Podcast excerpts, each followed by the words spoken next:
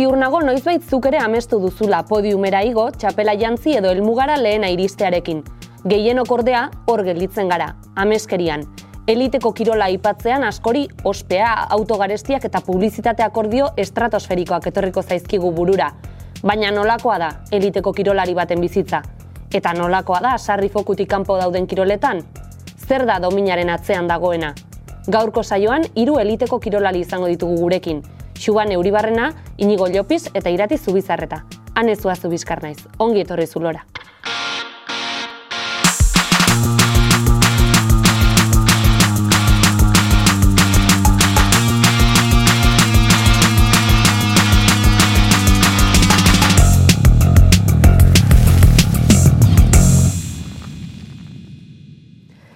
Ez dakit gaur argituko ote dugun zer dagoen eh, dominaren atzean, baina seguruenera hiruon artean dauzkazuen domina eta garaikurrak denak gela honetan sartu ezkero ez dakit eh, nahiko aldeku izango ote genuken irati zurekin eh, hasita. Bost aldiz Espainiako txapeldun eta munduko junior txapelduna mendi lasterketetan eta ez da, ez da marka makala, nola, nola iritsi zara horreino? Bueno, nik hasteko esango nuke iritsi naizela eh, zentzu baten baliabidek eki ditutelako, baliabidek e, txikitatik entrenatzeko, hau da, denbora bat inbertitzeko horretan, eta beraz nolabait, e, ba, bueno, eukietela aukera hori, ez?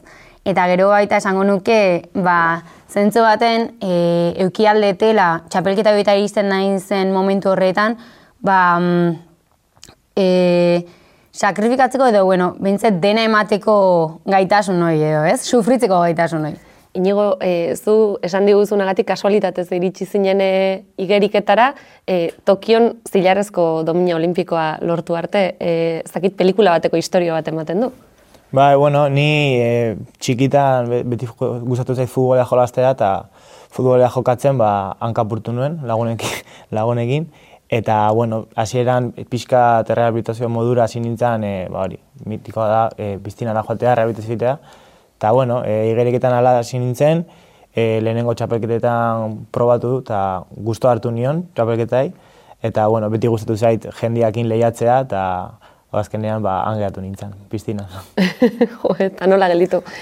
Xubane, arrauna orain goz behintzat ez dago, kirol olimpikoen artean, baina aurten, irurogeita maika urten ostean lortu duzue kontxako bandera donostian gelditzea, eta euskotren liga irabazi duzue nire pixkate inigo naritik, arraun munduare rebote bezala iritsi nintzen.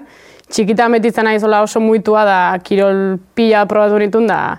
Ba, plazan ibiltzen nintzen jolasten da, klubeko bi gertuatu zaizkiten pixkatola ikuste ziaten karakterrakin da mutiekin ibiltzen nintzen asko. Da, esan zaten, bueno, da, patroi bezala hasiko zeinak eurren urten, ze talde, pues, eldun taldeak ez zeukan patroia. Da, animatu nintzen, da urte betean ere bi etorri zean, hasieran pentsatu nun broma bat izango zala, da azkenen horrea sartu nintzen da patroi bezala hasi nintzen, da, da hain ba, arraunen tope. Da, nik uste ba, iratike bai esan duna, no? Azkenen sakrifizio bada, e, sufritzeko beste modua da, baina nik uste sufrimendu hortatik asko gozatze deula, da sakrifizio hortatik asko ateatze deula. Azkenen galdu baino gehiago irabazite deu da horregatik nik uste jarraitze deula pixkat mundu hortan marneatuta da hortaz disfrutatzen iruro zarete eliteko kirolari, baina irati eta inigo zuen kasuan, Espainiako estatuak e, eliteko kirolari moduan e, onartzen zaituzte. E, zer esan nahi du horrek? E, kirola dela zuen e, egiteko profesionala, zuen lana? Bueno, e, bota, bota, bai. Bueno, nik esango nuke, e, gure kasun bintzat, gure disziplinan, estatu baino e, garrantzia handigo hartzen dutela enpresa pribatuk, e, bueno, esango nuke estatuk e, gaur gaurko zenbaten dizun mm, bueno, berme bakarra diela ba, beka batzuk, edo zentro de alto rendimiento eta edo olako egoitza eta juteko aukera, baino enpresa pribatuta juteko e, bueno, ba, beharra aurkitzen dute eliteko kirolarik, nolabait bere behaien soldata hori osatzeko, ez? Orduan patrozinio horiek ematen dizue alde batetik askotan soldata zuzen bat, baina beste alde batetik baita materiala behar dezuna kirolori aurre eramateko. Eta baita, ba, leia internazionaletan partzeko, ba, e, parte hartzeko bidaiek eta abar. Eta oain gainean ikuste tendentzia hori dala, tendentzia da enpresa pribatu kehoz eta indar gehiokitzea, eta nolabait baita behaien arteko leia bat gauzatzen nahi da, eta e, esango nuke liga propiok eta dena sortzen dituztela enpresa pribatu horiek eta monopolizazio bat ematen dela e, kasu horretan. Inigo, e, ez dakit zure kasuan ze suposatzen duen horrek, e, zure lana da, bizi zaitezke igeriketatik, zure kasuan? Bueno, oain e, emaitzak lortzen, oain momentuan bizitzeko bai ematen dit, ez? Baina, baina bueno, e, gero e, oneaino lortu iritsi arte, ez? Ba, bekak ez dira hain handiak eta, bueno, pixka bat e, zaila da. Baina, bueno, oain bai lortu dezakegula, ba, bueno, e, baita nik e, ordaintzea ba, e, bidaiak, txapeketatarako, entrenamentuetako, materiala erosteko, ez? Eta, bueno, bai dela laguntza. Xubanezuk ere elitean lehiatzen duzu, baina estatuaren begietara ez zara eliteko e, kirolaria. E, zuen baldintzak zeintzuk, zeintzuk dira eta, eta neurri horretan bizi zaitezkete kiroletik? Gure kasun ezinezkoa da, e, kiroletikan bizitzea. Materiala dana guk patze deu, osea, gure poltsikotik atatzea. E, osea, pixkat konstiente izateko, imaginatu, berez gutzako kontxa da e, denboraldiko momentu garrantzitsuna, da adibidez nire bikoteak nire talde nite arrauna, da aurreko gauen, gauetik antzeo lanez, gau pasa, azte dezakegu juntzala lanea, da junda kontxa segundu gutxitan, konpetitzea. Osa, horrek suposatzen guztia, ba, jende azkenen ezin hortaz bizi. E, Euskal Herrin bai dala kirola autoktonoa, da Euskal Herrin bai gehala elite mailako arraunlarik, ez Espainin, Espainin semiprofesionala gea.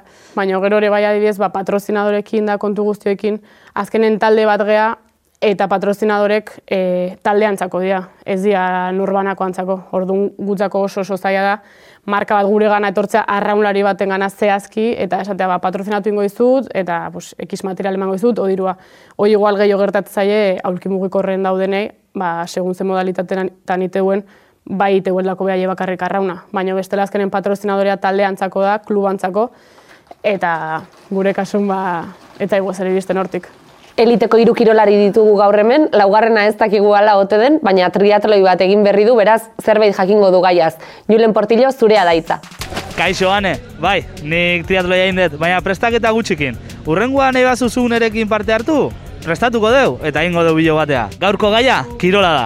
Eta nik galdera batzuk ingo ditut. Noiz bai, edo txikitan eukiezu ametsa eliteko kirolea iristeko? Bueno, ametsa, a ber, kirola praktikatu baiten un, baina ametsa bezala ni ustez ez ez. Ze kirol praktikatza zenun? E, judo eta gero rugbi. Ba, gia esan ez. Osa, elitea iristeko ez. Ni errezalian hauk da, beti izan dek olako amets bat, no? Ba ez, printzipioz ez dut inoiz izan horrelako metxik. Ere izan oso ona inoiz kiroletan, hasi que alderdi hori asko ez da landu. Ba, kriston joa ite dituk, da hola ametzia, baina bakik, azkenean, amets bat dekela, da, ez da, ez da gertauko. Egia esan ez, osea, nik txikitan Euskal Dantza egiten nun, eta asko guza egiten, baina gero ja utzi nun daola, eta berriz naiz kiroletan hasi. Surf, e, profesional izatea. Surfa, eta lortu ezu? Bazez. Ze gertatu da zure bizitzan puntu hortaz iristeko? ez naukela inona. gaur egun bakazuko gu edo ametsa kirolari, eliteko kirolaria izateko? Hombre, ba, ikusita batzuk kobratu dutena, ez da gaizki ongo. Alezkeo, basaiatu nintzen behintzat. Ojalá, baina, baina ez, bestela nintzen, ben, universian egongo ikasten. Bueno, agian, ba, formula batekua edo horrelako, besino bestela ez. Formula batekua, ze diruagatik edo abiaduragatik? Bilen gatik. Guztago izaten. Maio toriakin... Bueno, ez da gaizki egongo, ez da, baina... Konformoko ginen pelotoia negotiakin. Batzuk esan digute ez, baina nik uste, mundu guztiak izan dugula noizbait kirolari profesionala izateko ametsa. Nik adibidez, guztu irabaziko nuke kurlineko munduko txapelketa. Askorentzat amets badak, e, eliteko kirolera iristea, baina azken finean irati gutxi batzuek lortzen dute horraino horraino iristea.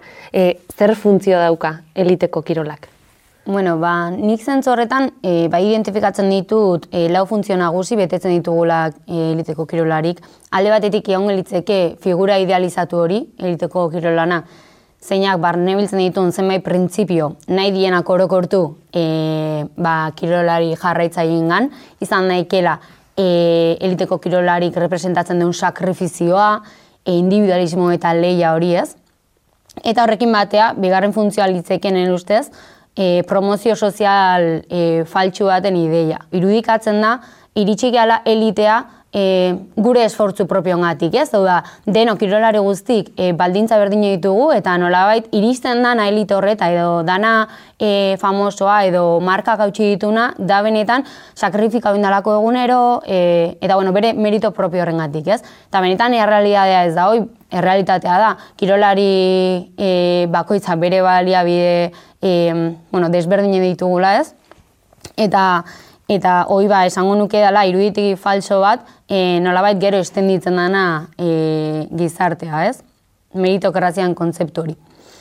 Gero, irugarren funtzioa litzekenen ustez, agente publizitariona, eta hau gertatzen da esponsorrakin, nolabait bilakatzen gala eskaparate bat, e, patrozinadorek nahi dutena e, guk sal dezagun ba, saltzeko, errezteko salmenta hori, eta horrek e, anulatzen gaitu baita pertsona bezala, ez? Ze puntuta ino, e, ba, puntu bateaino, em, laugarren funtzioa sartzen nahi zela dela funtzio despolitizatzaile bat daula horren baitan, baita, zeatik. Baina horret kirola, eliteko kirolaria dalako pertsona bat, inundik inoa ez daukena kompromesu politikoik, inundik inoa ezin ditula ezin dituna kritika publikokin, zeatik, em, badalako irudi bat marka horrena. Eta beraz, zueiza representatzen marka horrek nahi duna zu representatzea.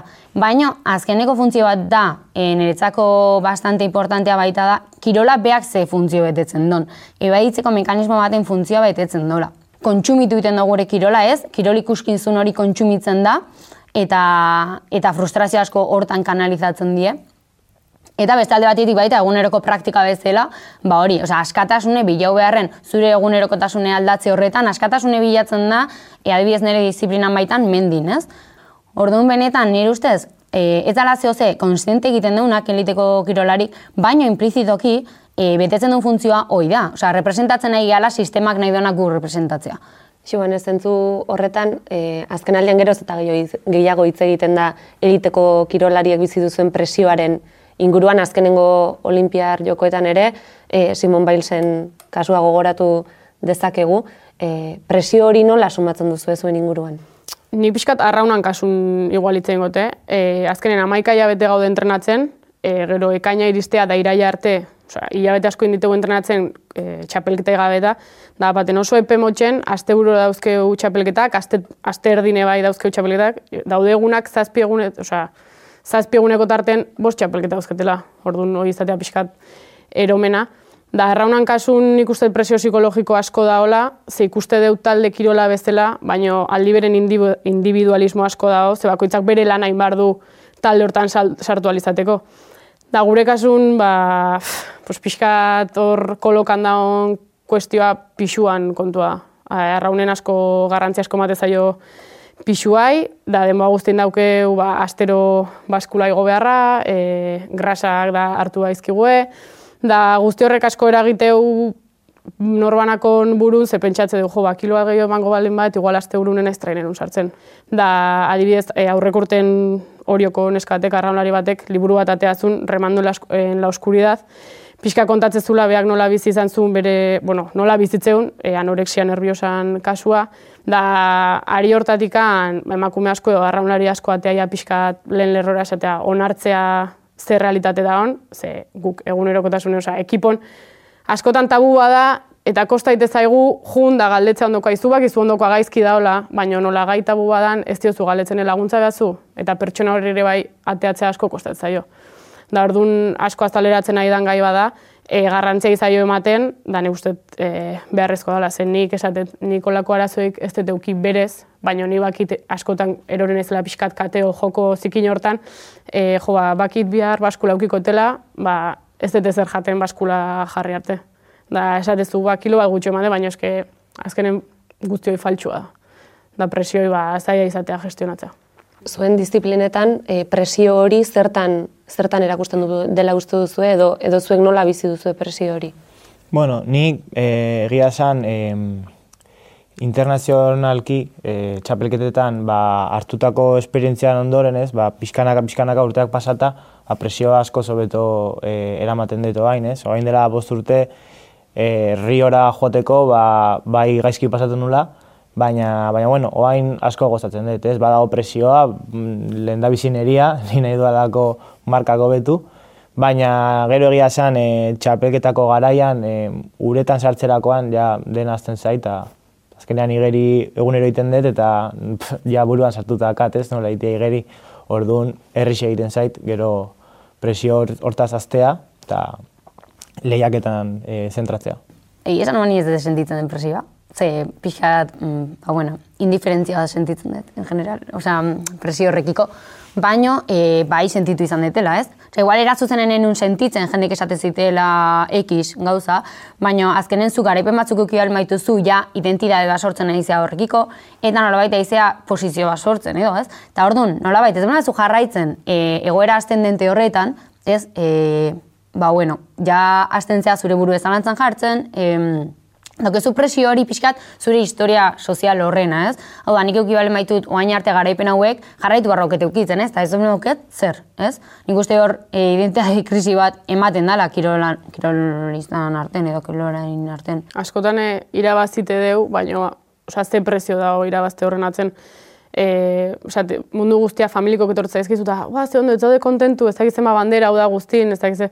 Baina nik uste momentun askotan ez zehala ez da konstiente, ez zela kontuatzen irabazi ezunaz, da irabaziet bai, baina ez tezu disfrutatu. Da nik uste puntu horta iristezea momentun zehuz aldatzeko beharra dago, ze hor pixka kontuatzea zer da negatik, e, patrozinadoren gatikan, jendean gatikan, familia, zein, zeinen gatik nago hau iden, zeatikan jarraitzen dut. Inigo, e, zure egunerokoa esaterako nolakoa da? Eta izan duzu sentsazioa gauza askori uko egitearena? Bai, bueno, e, bueno, nire egunerokoa ia egun osoa guztita pasatzen dut uretan, baina, baina bai, ez, goiz, goiz guztietan bi ordu egiten dut e, igeri, gero ordu bat gimnasio jarraian, eta gero segun ze denboraldiko etapan gauden, ba, bi, hiru edo lau atxaldez ere beste ordu terdi uretan. Baina, baina bai, azkenean sakrifizio asko ditugu, gazteago nintzenin, ba, bueno, e, amase, amazazpi urteekin, ba, lagunekin ez egotea, eta hoi, e, zaiago zan, baina oain egia zan aurten e, jokuak prestatzen, kriston sakrifizio asko eduki ditut, baina ez, ez dut sakrifizio bezala e, sentitu, ez? Genean, egin nahi nun, joku prestatu, eta inoiz baino gehi entrenatu dut, eta asko gozatu dut egia zan. Irati? A ber, e, nire kasun esango nuke nik naheten egiten dutela, basikamente. E, oain arte bai eukitut entrenatzaile, baina oain bertan irutzen zait e, nik nire gorputza ikaso egiten edo nire entxazioi ba, asko zubetu. Ego entrenatzetera eta maitza hori ditutela, ordon pixkat naheten egiten dut, ez dauket disiplina bat zentzu horretan. Nik uste baita urte pila bat nijola entrenatzen, ordun gorputze beak eskatze ditela e, nire bizitzan parte dalako entrenatzea bea. Eta, eta orduan pixkat improvisau egiten dut. Nere kasune bai pixkat, e, asteko sei egun dauzket entrenamenduk jarritata, baina ba, gure kasun, ba, nire kasun mintzaten naiz hortaz bizi, da beti azkenen entrenak ba, pixkat o segun lanan arabera, o ikasketan arabera, guz, horrekin antolatu, da tartea daukezunen egunen zehar, ba, tarte hortan kaina eman entrenamendu bai, da pixkatola izate astea. E, zure kasuan inigo, e, aukera daukazu egun batean esateko, bueno, gaur, gaurren ez joango entrenatzera edo zure kabuz moldatzeko, edo entrenatzaile bat e, daukazu atzean. Ez ez, ni e, entrena, entrenatzailea dakat, e, beti bera jartzen dizkit entrenamenduk, eta, bueno, ni naiz bere robota, e, lana ondo egitea, eta entrenamendu jarritza. Inigo izan daiteke munduko txapelketa bat, izan daiteke kontxako bandera edo izan daitezke e, olimpiar jokoak, baina izaten dira une batzuk e, komunikabideak oso oso gainean e, izaten dituzuenak, e, hori nola bizi duzue? Bueno, e, gogorra da, ez? Batzutan, e, igual urtean zehar, e, ez dizute kaso asko egiten, ez? Eta bapatean, e, e, justo zure momenturi importantenean, dena gainean egotea, ez? Ba, bueno, zaila da, baina, bueno, bueno, pixkanaka, ba, ornoa ikasten, ez? Hoi dena kudeatzen. Eta, bueno, egia esan, e, jokuak, e, domina lortu baino leheno, e, dena ziren animoak eta dena me- mezu oso politak, baina gero bai domina lortu ondoren e, elkarrizketa asko, bideo asko eta eta bueno, pixkat bai e, saturauta egon naizela, e, zaila izan da, baina nik uste dut ondo eramandu dudala. Xubane, hilabete eta urtetako prestaketaren ostean askotan titulua edo domina segundu bakarrean jokatzen duzue. Nola, nola bizi duzu hori? Nik uste, e, aurten izan dela kaso lehenengo urtea situazio hortan ikusi naizena, aurten hasi gehalako pixkat garaipenekin, da liga guztia oso berdindua izan da, baina bueno, mundu guztiak arraunen kontxai begiratze jo, da lehenengo jardunaldin e, segundu bat eta zentresinima gutxiko tarteatea genion hori hori, da orduan, gero, beste azkenengo astean tarte hori bai izan zen hori komunikabideek denboa guztin gainen, da mundu guztiak esatezun, ba, segundu bat asko da, ez da ezer, da presio horrekin ateatzezea denboa guztin, baina honen ere kasun, bigarren iganden esnatu nintzen, e, etxea nintzen sala, da esanien gaur eguerdiko amabitan bandera daukeu. Osea, konbentzituta neon.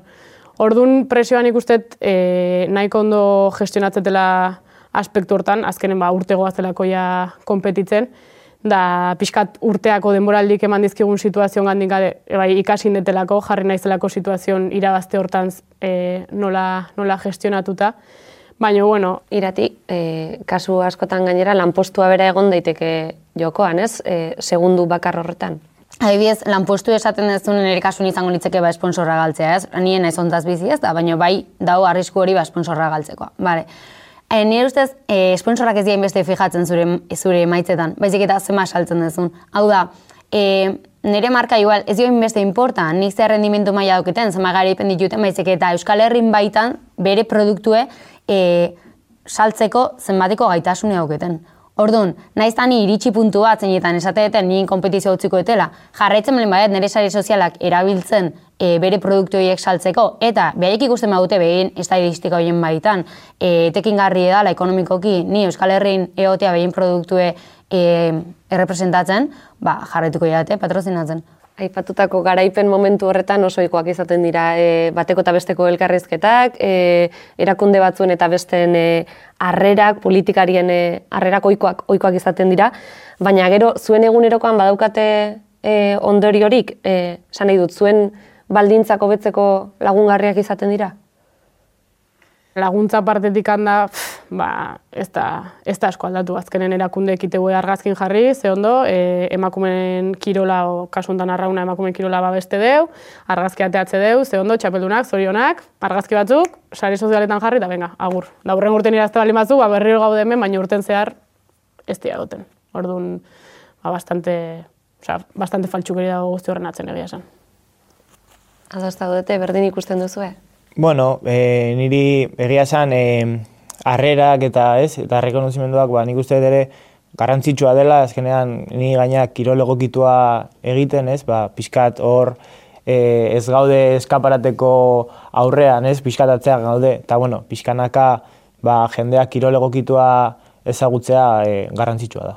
Ni, bueno, ni pixka penatuta nago aurten, e, indizkigutenen harrerak eta kontu guztiek, adibidez, anoetan egon ginen sakedo norriten, aurrekon saskibaloiko partido egon ginen, ebai, pues, pixkat, ekitaldi txiki bat ziguen, da, pena ematen dit, o, pixkat tristura, o, ematen dit, e, danak gizonezko diguela. Dependentzia hoi, errekonozimendu hoi eukitzearena, e, gizonezkoen alorretikan, ba, horre pixkat pena eman dit, o, esan, jo, pues, nahiagoko nuke, ba, ez diate, hogeita bos mila pertsonek txalo noeta baten, ze, obviamente, zubieta jute baldin mana, izutbolea, ba, jende gutxi ongoa, baina, igual, ilusio gehiago iteit, zubieta jun, da, bertan, e, realeko nesken partioan, kontxateatzea, anoeta baten baino. A ber, justo ni atletikeko naizela, da, justo realana, ba, bueno, baina esanet, itzaiteko zea bada, e, pues, ilusio askoz gehiago zuzitela emakumen kirol modalitate bateko partio batea jun, o lehiaketa batea, da bertan errekonozimendu hori eman e, gizonezkoen eskaparate hortan jartzea baina adibidez. Hausnarketa interesgarria okarri diguzuna xuganek, kirolarien bizitza baldintzatzen duen beste gaietakoa da lesioena, peio goiko hitz egingo digu horretaz. Kaixo denoi, Ba bai, ez, e, aipatu oso moduan, ba, nahiko ikua dira, ez, lesinuak kirolian, eta egun batetik bestera, ba, ondo zauz, karrera korritzeko, eta, eta momentu batetik bestera, ba, etxian geratu dira za, e, lesion auta zauz, ezin dozu korridu, taldekiak ikusten dozu korritzen, baina, bueno, ez, e, lehengo lesinuetan, ba, aztia zara, eta da, keskatu itzen zara, ez, e, Naiz eta zure gorputza betirako izan, ba, nahi hau dozu gaizki korri du, e, lesionauta egon, baina kirola egin, baina azkenian e, konturatzen za plazo batzuk bete diala eta plazo horrek betetxiak ba, gero hobeto gongo zarela, ez? Lesioak ondo rekuperatzen badozuz, ba, gero luzera ba, emaitza hobiak eukiko zuz, da zu ondo gongo za, ba, beste bizitza normalerako eta bai kirolerako, ez? Nik hori aipatuko negan batez be. E, plazo horrek bete bia diala, da naiz da kostatu, ba, da buruan dako be e, kostatu, ba, bete bia diala. Inigo, bizi izan duzue lesio larriren batek kiroletik kanpo utziko zaituztenaren beldurra? Bai, bai, egia esan, e, bueno, e, 2017 urtean, e, lesio larri bat eukin nun, e, elbarritasuna dakadan e, belaunean, eta, bueno, e, saiatu ginen, ez, e, rekuperatzen ondo, baina momentu bat iritsi izan, ja ez zela errendimenduari begira, baita nire bizitzari begira, ez? Azkenean, e, ba, elbarritasuna dakat, eta belauna hori, e, amazortzi emeletzi urterekin, ja hain gaizki eukitzea, ba, serioa zan, ez? Baina, bueno, e, ebakuntza bat eukin nuen, bueno, bi, e, bat oso potentea, eta, bueno, e, lortu genuen, ba, belaunari rekuperatzea, eta baita ere, ba, kirol mailan e, errendimendu ona eukitza. Eta garai horretan zer sentitu zenuen, e, zer izan zenuen buruan bueltaka? Bueno, e, egia esan askotan pentsatu nuen e, igerik eta guztea, batez ere hori, e, ja normalean ba, pauso batzuk emateko, min hori kentzea, ez? E, gogorra izan zen, zeatik e, asko, asko gustoko dut entrenatzea eta baita ere lehiatzea, eta bueno, e, hori kentzea nire bizitzatik, hainbeste ordu pasata uretan, basaia zen e, eramatea, e, egia esan denbora txarra izan zen, e, oso gaizki pasan duen, Baina, bueno, e, buelta eman genion, e, eta egia zen, eba, ebakuntzarik ondoren, ba, dena izan zen oso erresa, ez? E, rekuperazioa oso azkarra izan zen, berriz e, nintzen Europako txapelketan, eta, bueno, e, ondo. Zuek izan duzu antzerako beldurrik? Mm, bueno, nire kasun, e, bueno, nik bentsat ikusten detena da, e, bueno, nik euki ditut, e, lesiok, baina igual lesion e, parte gogorrena ez dala be, e, lesioa bea, hau da, lesio e, suposatzeizun min fisikoa baizik eta mentala. Hau da, zait, eriteko kirolak, e, kirolarik, badaukiela nolabait dependentzia bat e, identitarioa edo emozionala kirolakiko, hau da, zure bizitzan euskarri edo eje zentral bihurtzen dalako, zein eta mugat, murrizten dezun dena horta, hobentzet askotan ikusten denik, eta nolabait hori galtzen dezunen, kolokan jartzen da zure bizitza. Zazken ez zu egunerokotasun hori, zein zehazu, zeiten dezu egunerokotasunen, nola moldatzen dezu zure bizitza berria, ez? Eta hor nire ustez hor bai sortzen da abagune bat edo, bueno, e, krisi, identitate krisi bat edo, edo egoera bat zeinetan, ba, bueno, sufritzen don atletak, baino era psikologiko baten. Nire kasu nola lesio larririk da ez deuki, baina ni bakit iritsi naizelak ba, denboraldiko puntu askota e, pixkat kolokan, osea, ia asko tiratzen, eta berdin-berdin trainen sartu naiz, txapelketa indet, da azkenen e, larrina dana da, iriste gara puntu baten gaudela ja e, minori resistente ite gehala, da gaizkire kompetitu ite deu. Da, kasu hortan, ba, ba, bastante, bastante estiratu dugu pixka soka.